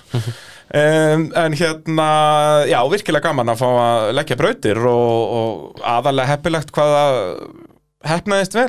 Já, þó að þetta var einhvern veginn ekkert eins og við plönum. Við ætluðum að hafa sko að fyrsta barðið yrði bara challenge, já það flög allir þar upp sko. Bara það átti raun að vera, veist, það var alveg erfitt, þannig en það, það átti ekkert að vera ókvæmt við vissum alveg að þetta var fyrsta braut og Já, við ætlum að hafa þetta bónusbraut og... já, það átti bara að vera einfalt og stökk í endana eitthvað Já. til að ná góðum tíma og svona. En það var bara mjög erfitt. já, á meðan að fyrsta barðið var bara ekki barð þetta Já, var þetta bara stýrist brekka. við, fyrsta bara var stökkið, sko, Já. það sem að fjölinni er stökk nú hann Nákvæmlega. Þannig að við fengum í raun allt sem við vildum en Já. ekki alveg eftir planið samt sem að segir líka staðfestir það enn og aftur hversu mikið basl er að leggja þessa brautir Mhm. því að við vorum alveg með plan fyrir þetta allt en það rættist ekki úr því þrátt fyrir að það rættist úr brautinni En ég skil núna, veist, ég var, maður var alveg stressaður eftir á, sko, eða bara fyrir brautina fyrir brautina, ég var ógæslega ég var í stúdíónu, hann Já, lýsa já. þessu og var bara ef allir fara þetta á 350 ég með lítið út fáið sko. Já, veist, maður, maður skilur meira brautar 100%. lækninga með núna heldur en, heldur en áður sko. bara, þetta er, þetta er eins og ég segi, það, að- það var mín versta martröð þarna, að ef allir myndu fara þarna upp og það væri enginn til þeirri og ekkert að fredda, þú veist Bara þá þetta veit væri maður bara- frekar að þetta sé aðeins og verfitt, sko, þá Já, far maður já, já. allan einhverja veldur og eitthvað, en, en þetta tók á, þetta, Já, ég við ekki það alveg. Þetta, þetta er vesen. Uh, skellum okkur þá yfir á eigilstæði uh, Haukur náttúrulega spilaði bara ljómandi vel út úr þessari stöðu sem hann var komin í. Að skúli hefur betur fyrir daginn. Uh, en Haukur bara í hörku slag við hann allan tíman Já, voru bara skiptast á allan tíman sko. já, þetta var geggjað slagur hann Hann var, já, skúli var var hann ekki hvað, 30 stigum eftir honum Hann þurfti að ná þremur sekundum betri tíma eða eitthvað. fyrir tímabrautina Já. og, og nær því út að þá er Haukur bara, það er náttúrulega bara stress hjá honum að komast í brautina eftir tjónið þarna í fimmtubraut sem voru náttúrulega tilþrif ásins en náttúrulega er ekki flokka sem tilþrif út að velta en, Já, en já. það var svakalett og hérna í fimmtubrautina á, á eigilstöðum en hérna skúli vinnur en Haukur gerir allt rétt og bara er strax á eftir honum 17 stig. Þannig að hann var ná grættinu ekki mikið eða tók þrjú stig þannig að Já, það lítið, þú veist, Haukur var að græða á, á Íslandsmótinu því að uh, Geirivert endar bara í sjötta seti þarna í fyrirkemni. Já, hann lendir þarna hann, hann lend, veltir í annar brödd og þriðju brödd líka Já, hann var þurrunni þriðjabrautin sem var svona blóðuðari. Mm. þar tapar hann alveg þarna 200 stigum á þá tvo. Uh, og átti þá aldrei möguleika sigra eftir það í rauninni. Og, og þannig að fyrir vikið eftir fyrir þetta á eigilstöðum var Haukur að auka fórskot sitt á Íslandsmótinu. já raun og þegar skúlinn alltaf var svo tatt aldrei eftir honum sko Já, að- akkurat, akkurat. Uh, Svo setni daginn haukur aftur bara svo litnar veljónapalli, þriðasættinu þar. Mm Geirivert vinnur, skúli þriðji Þannig eru bara allir topparnir að að berjast á toppnum eins og þetta á að vera. Uh, Og geggja að sjá Geirivert náttúrulega vinna þarna, eins og að var að sjá skúla vinna fyrir daginn að að Geirivert tekur sigurinn setni daginn og, og Þetta var hans fyrsti sigur á nýja bílum Já, annar sigurinn á, á ferlinu Já. og það bara var þetta virkilega skilið, Já, þeir, þeir báðir. Skúli náttúrulega hefur margótt sínt hvað hann getur og, og Geirivert er alltaf aðna en hann vinnur ekki svo oft Geirivir tókur svona hugulegt stökk fyrir okkur nú. Geggja, ég meina hvað, þetta voru þetta voru ykkur þrýr, fjóri metrar. já. þetta var bara alvöru. Það var bara, ég mitt spurðan eða hvað mittur ekkert í þessu, neini. Fann ekki fyrir þessu. Já, það einmitt, ringdu við ekki í hann hérna úr, úr akkurat og hann talaði um þetta að það bara Hann var handviss um að þetta er það ógeðslega vond þegar Já, hann var hann í loftinu. Svo lendir hann bara á bílinn líka lendir bara eins og klessa. Það var ekkert eitthvað aukastökk og ekki neitt Bara samslátapúðunar og allt hann á orðifjörunin að virka 100% Þannig að uh, algjörlega geggjað að, að sjá það. Uh, Ingi Már hjælt áfram að safna velunapöllum Þarna fyrir daginn á einstöðum Nær þar þriðasettinu En uh, aftur var að driftskaftið að svingja sendindaginn og, og endar hann þá tilturlega aftarlega uh, Ingvar kom mjög óvart þarna líka Já, yngvar uh, nær þarna fjórða og fjórðasetti en tapað alltaf bara með einhverjum tíu stigum með eitthvað, hann var. Já, ógeðslega Ég nálægt held að það hefði verið 11, 12, 13 stig sem var samanlagt sko. Já, samanlagt, já, Það voru bara fjögur stig einn daginn og tíu eða eða já. Það var bara tímabröðinar sem að ein pínulítir hraðir í tímabröðinu eða ein stika þá var bara rófan sko. nokkur sekundu brot sko. að hérna Þannig að ég virkilega og líka bara svona konsistant uh, og yngvar hefur sínt þetta margóft og, og það er annar aukumæður sem ég er mjög peppaður að fylgjast með uh, á næsta ári, Yngvar Jónesson sérstaklega eftir í bandaríkin sko. Já. hann í bandaríkin þá var hann með bílinn bara að virkaði mjög vel sko. Og eins og segið, þú veist, hann er alltaf að gera þessar svona litlu breytingar á bílnum, þú veist að fílan betur og betur gerir náttúrulega svolítið stóra breytingar fyrir tímabilið, breytur öllum framöndanum þarna og, og, og er svona ennþá að venjast því á hellu og, og eins og segið, endar tíðumbilið frábærlega með öðru sett í, í bandaríkjónum, þeir uh, frá Viki Mýrdal heldur betur að gera gott mót þar, heldur betur. Uh, þannig að já, engin ástæða fyrir að hann ætti ekki að vera að berast bara um, um titilin næsta ári, það eru bara sko. svo djöðlu mörgun upp sem Já, að segja já. það við, sko, þannig að hérna, þetta verður strempið. En hann stóð sér virkilega vel á eigilstum allan að þarna svona síndan hann getið tekið næsta skref áfram sko. Já, algjörlega. Uh, Og svo var það líka náttúrulega eilstöðum sem að Þór Þormar missir endalega alla möguleika á titli. Já, þeir voru náttúrulega það voru, einmitt bró, þeir voru tvíburanir Já, að keppa fyrsta skipti í sögu Torfara á Íslandi. Það ekki, þeir allavega hann þeir voru allavega líkir í akstri allavega með eitthvað, Þorðumar tók gerði á lögadeginum sko. Heldur betur maður, það, þetta var geggjað sko. Geggja að fylgjast með þessu. Það var bara flikkflakk og velta Já, og... já, þetta var, þetta var bara svona hjólabretta velta Já, já. Það er bara þannig. Uh, En uh, já, Þór fær bara hann að tíu stig og svo fjögur Þannig hann átti aldrei möguleika á titli eftir það. Og í raun eftir Egilstaði var alveg ljóst að þetta verða Þessi þrýra berast um titilin skúli, geirivert og haukur. En haukur í rauninni já að, nánast að auka fóskotið var í mjög góðri stöðu fyrir, uh, fyrir Akureyri. Uh, Fengum náttúrulega já, ekki nýjan bíl og ekki nýjan ökumann en uh, nýr ökumar á nýjum bíl fyrir sig þarna á eigilstöðum Páll Jónsson, Palli Rolla mætir á gamla kalda Já, sem heitir núna bara Rollan uh, og svona vonaði ég var að vonast eftir aðeins meira. Hann er náttúrulega mjög flottu fimmtasætti þarna setnudaginn já, Eh, en svo lítið að frétta bæða á Akureyri og, og Bandaríkjónum en, en náttúrulega var að vennast kannski nýju framásyngun og svona í Bandaríkjónum og lendir í bílunum brýtur millikassa sem er náttúrulega bara rosalegt. Já, en ekki alveg ljónstæðakassi samt sko, Nei, nei, nei. kassin var settur saman á ljónstöðum en þetta er náttúrulega fyrir, þetta bara hann er smíðað 92-3 eða eitthvað já, já. af rakka skúla, þetta var svona fyrsta tilraunin af, af ljónstæðakassa en, en allt, allt öðru sér koncept en brýtur hann þarna í, í bandaríkjónum en, en Palli er litrikur keppandi það verður geggja að sjá hann taka fullsísson næsta ári. Heldur betur, hann, svona, hann var í smá bara að venjast bílnum held ég bara til að byrja með sko, hann, hann ætti að vera búin að venjast honum núna og Já, eitthvað algjörlega. gerir næst. Já eins og segja, hann er, þú veist gamla rollan var einhvern veginn aldrei nógu góð til að, þú veist, bara bíllinn þar að segja að, að- að vera að berjast um, um velunapalla, en, en núna er hann komin á bíl sem á alveg að vera upp þeir og, og hérna ég er unni kemur óvart ef að pallin er ekki sínum fyrsta velunapalla á ferlinum á, á næsta ári. Hann hefur aldrei Já. vel á velunapallinu, bara Nei. besta árangurinn fymta seti á blöndósi þarna. Ef Já, ég er það ekki? eða fjóraða, fymta, eitthvað svo leiðis, hann hefur aldrei verið á palli ef ég mann rétt. Bara fyrir tiltræðavelun sko að, hérna, Þannig ég ætla að henda því út í kosmosin já, Palli Rolla fær fyrsta pallin á, á næsta ári. Mhm. Búm. Þið heyrðu það fyrst hér, gott fólk. Uh, Eitthvað svona annað stort sem við erum að gleyma frá eigilstöðum nei. Þeir voru flotti mýrdælingarnir þarna og, og, En svona greinlegt þarna að slagurinn yrði milli skúla geiraverts og, og haugs. Keppnina sjálf voru báðar bara mjög fína sko. Já, skemmtilega brautir og bara eins og venjulega á eilstöðum skilur Já, það er svo keppni klikkar aldrei og bara magna hvað ég þekki en þá marga sem hafa aldrei farið á torfærakeppni á eigilstöðum og þetta er snilt og er alltaf þarna í júni, júli, þú veist, það er Já, alltaf rjóma blíða þarna Já, þeir getur haldið keppni í februar þá er Já, þetta sól sko. þetta er bara, þetta eru svindlkallar þarna fyrir austan, það er bara svoleið, svindlkallar og konur. Eina sem var í þessari þá var alltaf að vera að skipta um öll starf, það var fermingavellur Já, það hérna var varst það var geggjað. að vera að rótira vel á Já. liðin út að þetta var stóra fermingahelgin þarna Já, sem já. var í gangi og það mismunandi þuðlitni, mér finnst þér allir sem voru sérst bæði þeir sem voru í fyrra og báðir þeir sem voru í ár, mér finnst þetta all bara snillingar. Bara góður sko. gera þetta mjög vel þú veist, er ekki að fókusa of mikið á að vera fyndin og sniður þó út að þeir eru bara svona eiginlega náttúrulega fyndin og sniður en eru góðir einmitt í að bara segja hvernig staðan er og allt þetta, þú veist, bara meða við þetta eru kynir sem ég held að séu bara nýjir í þessu ég hef ekki heyrt í þeim áður allavega. Þeir hafa kannski tekið ykkurar keppnir en ekkert eitthvað, veist eitthvað, eitthvað, ekkert eitthvað rosalega margar held ég sko. En allavega ég er bara mjög impressed að hérna, eins og segi, báðar uh, bæði fyrra og í ár. Og þetta var ekki sami sem var í fyrra og í ár eða? Jú, það Var þetta sami? Jú, annar þeirra Jú, allan er það sko. Og bara eins og segi, þetta er uh, hrós á, á þessa meistara. Stóðu sig uh, með príði uh, En mótorvarpið að sjálfsögðu í bóði AB var að hluta eins og þið þekkið uh, hlustendur góðar.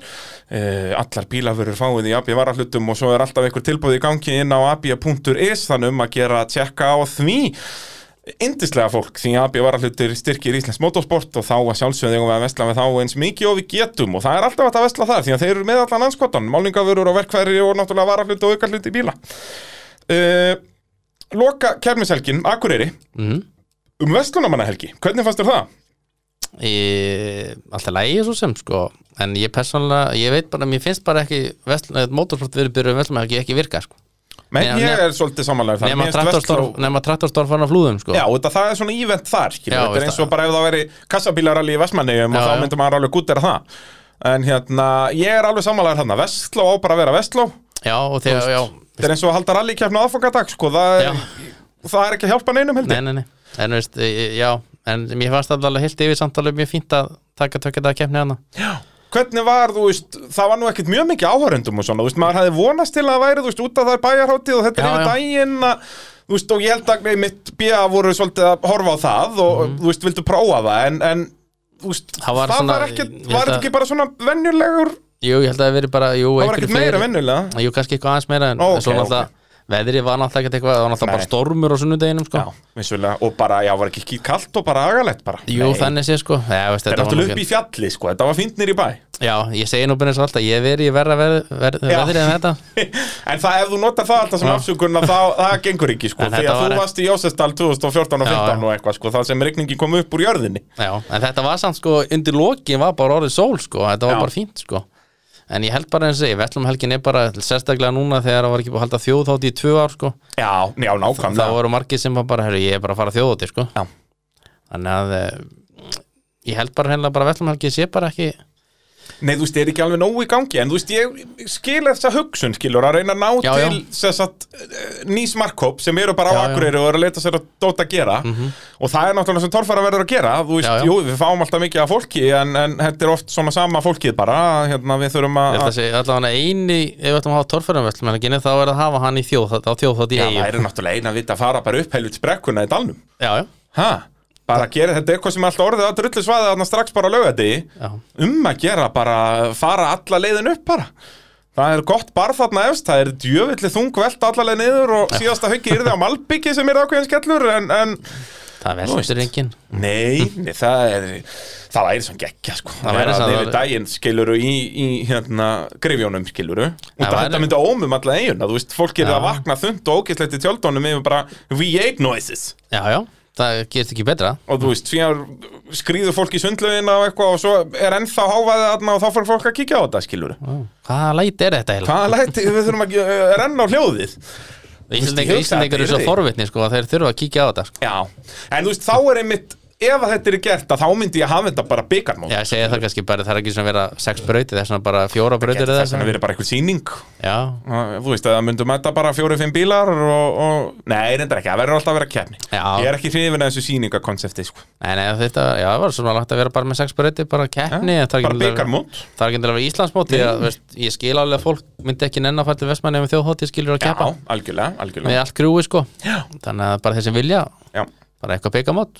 að að að. Þannig að Og ég, þetta, uh, um að gera að negla þessu á teiknuborðið, það er bara svo leiðis uh, En haukur uh, viðar, já, náði svo gott sem að tryggja sér titilinn fyrir daginn nær öðru setin á Akureyri þannig að hann þurfti, hann náði ekki, þetta var að leiðilegt hvernig hann náði ekki að tryggja sér titilinn þá þetta hann þurfti ennþá eitt stig held ég, ef að skúli hefði unnið setin daginn Já, þess að skúli var held ég 20 stigum eftir honum Já. og ef að skúli hefði unnið þá hefði þess að haugur þurftur að detta út ekki fá stig Já. og þá hefði skúli nei, nei, haugur hefði nei, skúli hefði unnið. Það var með fleiri unnar keppni sko. Nei, þá hefur verið með jafnmarkar unnar og nei, haugur vann bara tvær en skúli vann tvær bara, nei, Þrjár. þrjár, þrjár, hann vinnur auðvitað fyrir daginn á, á hann hefði unnið þá senni daginn þá, þá hafði hann unnið á fleiri unnum keppnum, alveg rétt, alveg rétt. Þannig að þetta var, haukur þurfti þetta eina stig ef, að- ef að skúli myndi vinna setjendaginn, skúli náttúrulega endaði ekki á að vinna setjendaginn Finnur Aðalbjörnsson, kom sá að sigraði. Þá er hann náttúrulega komin á Raptorinn bara er einn á honum. Mm, og Þór og Nýja. Þór á nýja uh, geggjað að sjá nýja bílinn á Þór, náttúrulega enn annar klóndrengur bara. Já, já, en, en uh, og finnur bara vel að þessu komin. Og enn og aftur fáum við svona surprise segurvegar á, á Akureyri Já, og svo er gaman að eins og ég sagði eða sko, það pældi í sko að Raptorin er búin að vinna sko tvær Akureyri keppnir í röð sko. Mm eða veist, hann vann 2021 Já, já, og vann sitt í keppnin á Akureyri sko. Akkurat búin að vinna 21 og 22 Já. þannig að það verður gaman að fylgjast með Raptor þannig í brekkvorðum á, á næsta ári. Ég væri geggjað til að sjá Finn taka heilt sísón á Raptor og. Þór á sínum sko. Ég held, út að finnur bara síndaði um leið og hann stegu upp í torfæribíl hann er náttúrulega stöppu vittlust maðurinn sko. maður hefur séð það bara á vélsluðum og öllum anskotanum í gegnum árin og ára tíina að hérna finnur að taka heilt síðan einmitt á Raptor sem er bara solid bíl og Já. náttúrulega þeir KFC krúið þarna bara eitt af besta í torfærunni eða ekkert eitt af besta, bara það besta að Já, halda já. bílum í lægi og allt þetta að þó að aukuminnin eru allir sneldu vittlusir mm -hmm. þá hvernig þeir mæta þær í alla bröðir að ég held að Finnur myndi fara rakleiðis í, í slegum Íslandsmeistaratitil Já, alveg rúglega sko og sérstaklega bara eftir þetta, klára síðasta tíumbil veist, með sigri og mæta með fullsins og núna á raftótnum, bara einn á raftótnum og þetta var sko geggjað. þetta var bara fyrsta keppnin hans var Raptor og hann allavega síndi það bara hann hoppaði bara beint inn í hann og keirði bara svönulega þannig sé sko Algjörlega, algjörlega, já, náttúrulega keirir á keyrði- hellu keyrði á hellu reynda, já. já, en hérna, vissulega bara, og, og var geggjaður. Mhm. endar hann í fymta seti fyrirdaginn og, og vinnur setni og, og, og ég skúli vinnur fyrirdaginn en er bara þriðasætinu og eftir, eftir geirjavert uh, setnindaginn og það var eina keppnin tíumbilsi sem að haukur verður kemst ekki á pall Nei, annars var haukur á palli allan, allar keppnir og, Mhm. og er verðskuldaður Íslandsmeistari, það verður bara að segjast eh, Já, eins og er, sko. 16 steg af fórskot sem hann hefur að geirjavert og að geirjavert nær sko einum, tveimur, þremur, fjórum velunapöllum þátt að gera Evert og skúli til dæmis hafa verið óöfnir á hellu skiljur en það var náttúrulega bara snýst um að vera með allt í lægi skiljur Haukur var með allt í lægi þannig séð og kerði bara virkilega vel allt sumar og bara hann er búin að vera í þessum toppslag núna Já. bara frá 2017 og, og loksins kom að þessu. Og kom að þessu. búin að vera tvisar helviti nálægt sko, þannig að að komum loksins að þessu. Heldur betur. Og, og sko nú bara innilega til hamingju með, með titilin uh, sko ef maður horfir hérna á stígin getur, vilt þú gíska hvaða ökumenn skoruðu stig í öllum keppnum? Þetta eru bara eitt er ekki bara fyrstu sjö þetta eru bara þrjú nöfn sem skora stig í öllum keppnum. Nei, það, er vantilega Haukur. Það er haugur, uh, Gerivert það er gerivert og svo er bara einn annar. Uh, ekki skúli þegar hann fekk 0 stig og helluð ekki. Jú. er ekki bara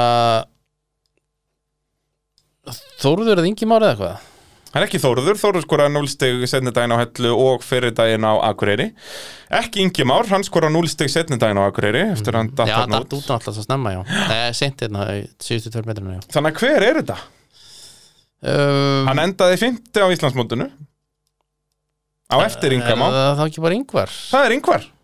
Hann skorar 1 stig og 1 stig á Hellu Já, hann svo var- 12 og 12 á, á Egilstöðum og 8 og 4 Já, En var alltaf í stigum.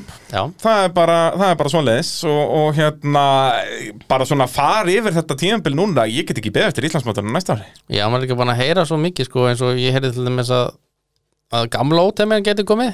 Já, ok, ok, búið- annar mýrdælingur. Nei, það er hérna gæðin sem er með hérna gerivert í liði, Já, Andri. ok, Ég heyrði eitthvað að það var búið að kaupa grindina. Já, hann kipti hana sko og það var komið, fullt að drasli í þetta og læti þannig að Ok, það var alltaf stefnun á það Geggjað, geggjað. og svo eins og segið það svona tónlega á með uh, Yippie og þetta þannig að þetta geti verið helviti gott sko. Það er alltaf gerast á markanum, það er bara þannig. Og, og stefnir bara í enn betra síðan næsta ári. Við við ætlum að aðeins að eh, kíkja til eh, Bandaríkjan núna næst eh, en já, ef að þið þurfum að flytja eitthvað landsóknan á milli hér á Íslandi að þá er það sjálfsögðu tækjaflutningu Norðurland sem að græja það fyrir ykkur. Alveg sama hvað það er, það getur verið torfæri bíl eða bara jaris eða jarðvítur eða bátar, það skiptir ekki neinu máli. Tækjaflutningu Norðurlands græja það og alveg sama hvort það sé milli Selfoss og Reykjavíkur eða Reykjavíkur til Egilstaða þeir keira út um alland miklir meistarar sem að hjálpa íslensku motorsporti eins og öll þessi dásamlegu fyrirtæki sem eru með okkur í liði hér í motorvarpinu. Þannig að tækjaflutninga Norðurlands er uh, okkar fólk í flutningunum. E Bandaríkin það er náttúrulega bara stóra fréttin þar er öll þessi afföll. Já, hvað enda? Enda sex bílar á að klára? Nei, sjö held ég. Sjö? Það voru sjö sem mættu í síðustu breytin held ég. Já, af 16 Já, Það er rosalegt. Það er eiginlega bara, já mesta sem ég mann eftir held ég bara. Já, Allan í prósutulegum sé sko. Já, já.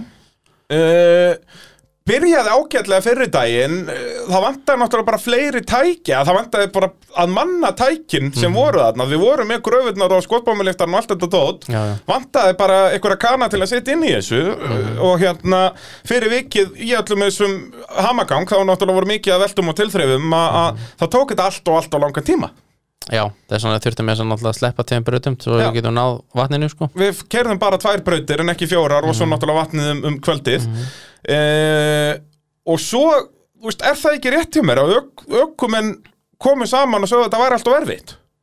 Já, það var alltaf einhver fundur um þetta Ég Já, ég, ætla, ég heyrði mikið af þessu á. Mhm. lögadeginum að það voru allir að kvart yfir að þetta væri alltaf erfitt og agalegt og eitthvað og þá náttúrulega brautalegningin á sunnudeginum bara, ég er ekki mikið í því að lasta hér í mótorvarpinu en guðminn fokkin almatur þetta voru ekki torfærubrautir. Nei, sko, fyrstu tvær voru slappu alveg sko Já, svona sko. fyrsta slapp. Já, og braut tvö líka og braut, jú, jú, já, fyrsta tvær voru ágættar en, Bónusbrautina voru svona og svo náttúrulega þessi fræga, hvað er ekki Þannig að brautin, hann að fymta braut eða ekki? Jú, fjór, fjórða eða fynda Ertu að tala um síðustu eða annars síðustu? Eða satt já, þannig þeir fóru bara upp og svo niður, Upp og þarna. niður, já. það hefði dæmis verið bara frábær tímabraut sko. Já Og þessar bónusbrautir líka, það, bara er ekki, já, tímabrautir það er ekki sem vera bónusbraut bara að vera bara venjuleg tímabraut sko. Já og því að Og þú veist, ég, ég var náttúrulega var þarna í tjaldinu með, með keppnisöldurum og fleirum og þá er einmitt var að vera að tala um þetta að ætlu að hafa eitthvað af þessum brautum bara tímabrautir en það endaði á að verða ekkert af því og eitthvað en, en Og eins og þetta- segi, fyrstu tvær sluppu lokabrautin svona Jú, jú, það var bara svipað á braut tvö, sko. Já, raun alveg sama parðið og hérna afskaplega lítið að frétta. Geiravert náttúrulega nær góðu fórskoti strax í fyrstu brautirunni þegar hann tekur þessu ákvörðun um að bakka en reyna aftur, það hefðu margir reynt þetta en ekki tekist, honum tókst það og fer allar leið Uh, og maður nær svo að mæti allar brautir. Ekkert við svona bílum, geggjaður undirbúningur hjá Gerivert og, og sleggjunliðinu. Uh, og náttúrulega út af brautina voru svo ógeðslega auðveldar setni daginn að þá var aldrei sjensan á honum. Nei, nei, veist að, veist að hann hefði þurft að, að gera ykkur auðlamistök sko. Já, það var erfitt að saksa og, og eitthvað sem að færa alltaf fullt úr stiga nánast sko. já. Ég held að var með fullt úr stiga bara í öllum, öllum brautunum fyrir utan að tímabrautunum hann náði ekki alltaf besta tímanum sko. Já, já en hans fór hann upp sko. Já, akkurat, akkurat. Og verðskulda á sigur þarna eftir, uh, já, mjög áhugaverða keppni þar að segja að ekki þess að brautalega séð heldur það var hörku slagar hérna fyrir aftan þó að Geirivert var alltaf langt, langt á undan. Og, og hérna haukur uh, rétt missir af uh, þriðasættinu eftir að var dæmt á hann hérna bakki einhverju braut. Var, ekki, var það síðasta brautin eða? Jú, hann það fyrir alltaf skipt eða fór, eða var ekki skiptingin eða hvað það var Jú, eitthvað svona leis það fór síðast. Sem að er uh, aftur verður maður að fara að valli í hvað maður er að bylla hér í útvarpinu en uh, var rangur dómur að mínu mati því að maður sér það á eftir á og hann er búinn að veifa til dómar hans í hættur já, já. ótemjan var held ég það var bara að munna bara fjórum stíðum á þeim Já, ótegum rétt kemst upp fyrir hann í, í þriðasetti sem skiptir ekkert öllu máli en, en hérna geggja fyrir Guðmund Eliasson og átti hann það virkilega skilið Já. að enda þarna en kerði virkilega vel sko já, Haukur verður að býði eitt ári viðbót að uh, ná, ná uh, orði í byggarnum já, Ef, ef, nei, býtu, hann verður nú sennilega ekki bandaríkinu næsta ári eða hvað? Var ekki eh, Bubbi að tala? Bubbi kom nú hérna til mín þau Bubbi og Elva að, plana að gera þetta næst bara þegar að 50 ára amali 2025 eða ekki? Nei, ekki 50 er ekki 70 ára mali jú, eða var, það ekki, 65 er fyrsta torfæri keppnu var það ekki það var 50 ára 2015 allavega það var 50 ára tórfaran Já, þannig að þetta er sex- 60 ára mali já, Akkurat, uh, sem er þá 2025 eftir, Já. eftir þrjú ár. Já. Og það er bara pepp Já, nefna, allavega síðast í heyrið þá ætlaðu við ekki að gera núna að næsta ári sko. En, en uh, það getur allt breyst en það, en en- það náttúrulega getur hver sem er held ég, ef þeir ná samkomulagi við já, ég meina keppnisvæði, Bubbi skilur. þarf ekki að halda þetta. Nei, nei, Uh, ef ykkur hefur áhuga þá um að gera bara negli það en það náttúrulega verður nesmót á, á næsta ári í Noregi eða ekki? Jú, jú og hérna og kannski að förum að, að færa okkur eins yfir bara og fara yfir dagatalið á næsta ári. Mhm. uh, hérna byrjum að sjálfsögðu á hellu bara uh, venjulega helgina þarna þetta er 7. mæ Já, uh, eintómhamingja, bara ein kefni nú eru tvöföldi kefninar bara alveg hættar. Nei, það er ein helgi. Er ein helgi ok, já ég fíla það. Að, uh, en eins og ég segja, já byrjum á á, uh, á hellu Uh, svo bara tiltölulega fljótt eftir bara tveimur uh, vikum setna þá er það Hafnafjörðurinn, KFC torfaran í, í, sem að KK heldur og bílaklúpar akkur er allar að hjálpa þeim. Ég er svolítið peppaði fyrir því. Já, ég held að bíja á tekur hann nánast bara alveg Já, er það ekki, þú veist, ég- nota bara KK svæðið en Valdi og hans lið munu mæta þarna og græja þetta. Já, ég held að bíja verður meðskilur veist, keppnistjóra og brautastjóra og Já. allt þetta bara sem ekki ekki, þá KK veistu að verður allt upp á tíu. Já, ég held að KK verður nú eitthvað veist, öryggisgæsla og allt þetta Já, dæmi, já, skilurðu. auðvitað og bara þe- auðvitað hjálpa til Já. eftir þeirra svæði og svona en sem spýja munu sjá um kemna En ég persónulega væri nú alveg til að taka þessa keppningust annars staðar því að það er svo stutt í nes sko. Já, svo náttúrulega sko Nesköppið er þarna bara 3. og 4. júni sem er þá bara Já. tveim vikum þeir, já, þeir þurfa að fara bara í gáma eða þeir ætla að fara, þá þurfa bara að fara í gáma held ég bara á mánudeginum strax sko. Já, Þannig að spurning hvort að Já. þessi keppni er þið nú eitthvað skemmtilega ef allir að fara í gáma á mánudegi sko. það er enda góða punktur Þetta er kannski þyrft að færa hann eitthvað Já, því ég persónulega væri alveg, mér finnst nes út í Núri til dæmis, ef Það Íslandingar er fara stemming. út, það er rosalega gaman sko. Gekk geggjað sko. og það verður tveggjata mót þarna 3. og 4. júni Já, þá er maður ekki að, halda með Íslending Ég veit það, það er alltaf stemming og, og þú veist, í alvöru keppni þú veist, bandaríkin er alltaf meira svona sjó og þetta eru bara Íslendingar og svona en, en maður er svona alveg er svona þá það er ekki oft sem að við, til dæmis, erum Já. að halda með ykkurum við Já. erum hann bara svona, þú veist, tildulega hlutræðir þannig sé, heldur þú, hefur einhvern tímann haldið með ykkurum í torfæru bara gísla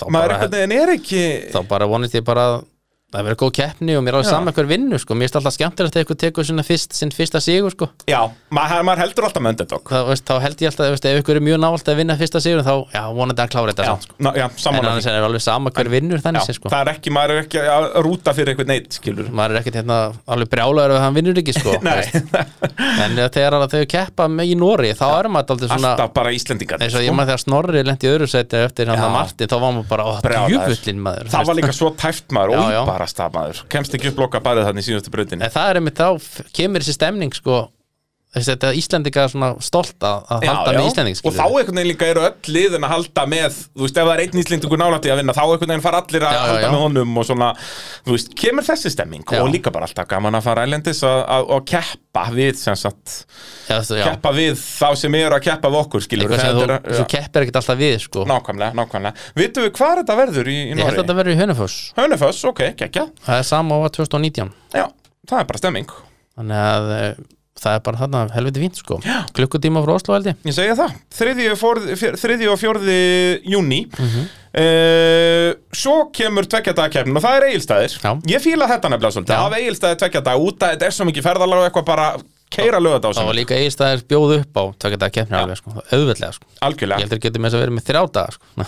Já, ándjóks, þú veist, það, svæðið er það stórt að, þú Mhm. veist, meira sér tveggjadagkeppnin síðast notuðu við ekkert endilega alveg allt svæðið. Nei, eins og hérna, ég veit ekki hvernig staðan var að því En eins og þegar hérna, fyrsta keppnin 2020 Já, þegar fórum innst í hérna Það sem að tímabröðinu, það var allir ekkert nota núna sko. Akkurat, þannig að þú veist, það er möguleikarnir eru. Já, Þannig að ég er mjög peppað fyrir því. Þetta verður uh, fyrstu helgina í júli Bara fyrsta Mhm. og annan júli uh, Í Savia torfaran að sjálfsögði Savia búin að vera með þeim hann fyrir austan Bara, í- þetta er að vera komin ára tugur held ég.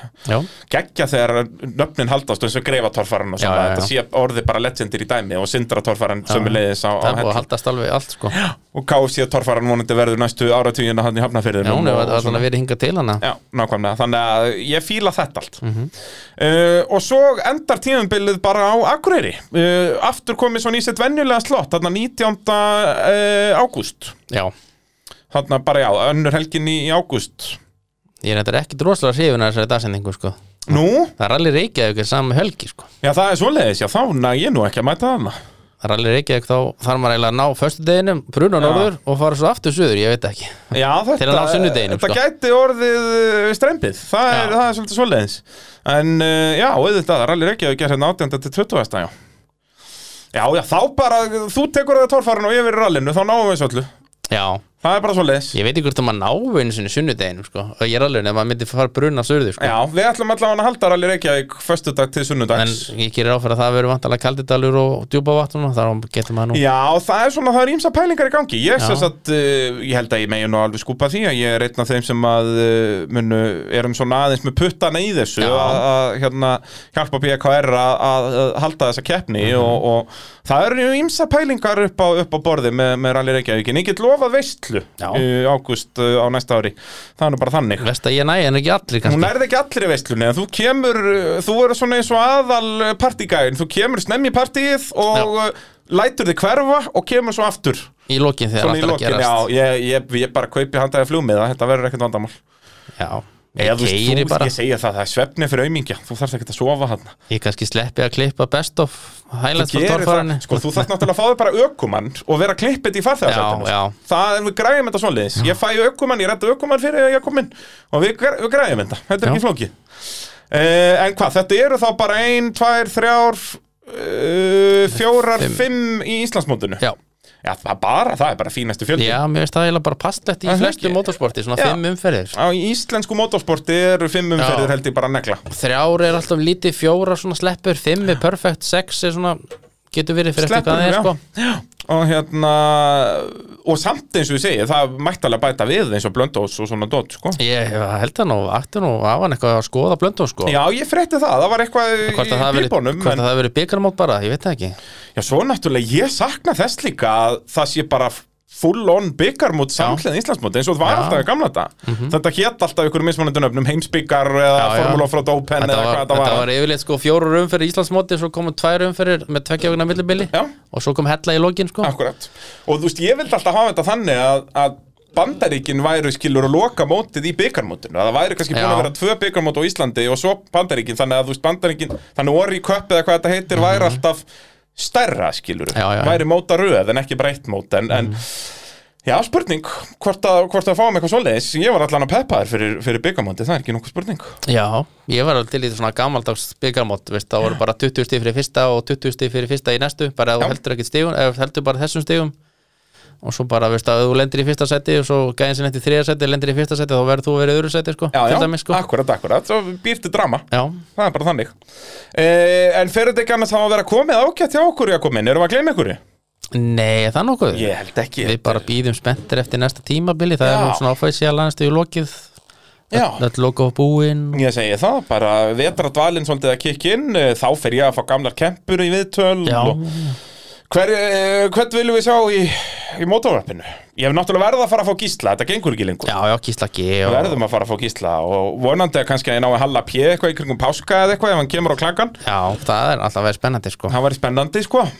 Og svo, það þú veist, eins og af gömlu torfærhetjónum, þú veist væri þyrfti ekki heyri Sigurð Axelsinni og einhverjum svona köllum? Jú, Gunnar Egils kannski Ég búin að heyri honum, hann uh, svaraði mér ekkert Nú, ok En kannski ef ykkur er að hlusta og þekki Gunnar Egils að í eða sá honum að koma í spjall til mín Það var geggja að fá Gunnar Egils sko. Já, hann, er, hann, var, hélt ju svo, svo hann, þetta hann var far. geggjar karakter á sinni tíma sko. Já, og svona bara eins og ég segi, góður að segja frá og svona já, já. að það veri, ég myndi mikið vilja fá Gunnar Egils Mhm. en, en hérna, það hefur lítið gengið að ná í kapan já. Uh, og svona, jú, jú, ég finn nóg. einhverjar hetjur. Já, það er nóga þessu liði sko. Nóa þéttjum, það er bara svona leiðis Jakob, takk kærlega fyrir spjallið uh, og hlustendur góðar takk kærlega fyrir að hlusta. Þið þekkið að, að sjálfsögðu að þetta var allt saman í búiði Ólís, tækjaflutninga Norðurlands, Bílapuntsins, Bíljöfurs og AP Varafluta, þá til næst, bless bless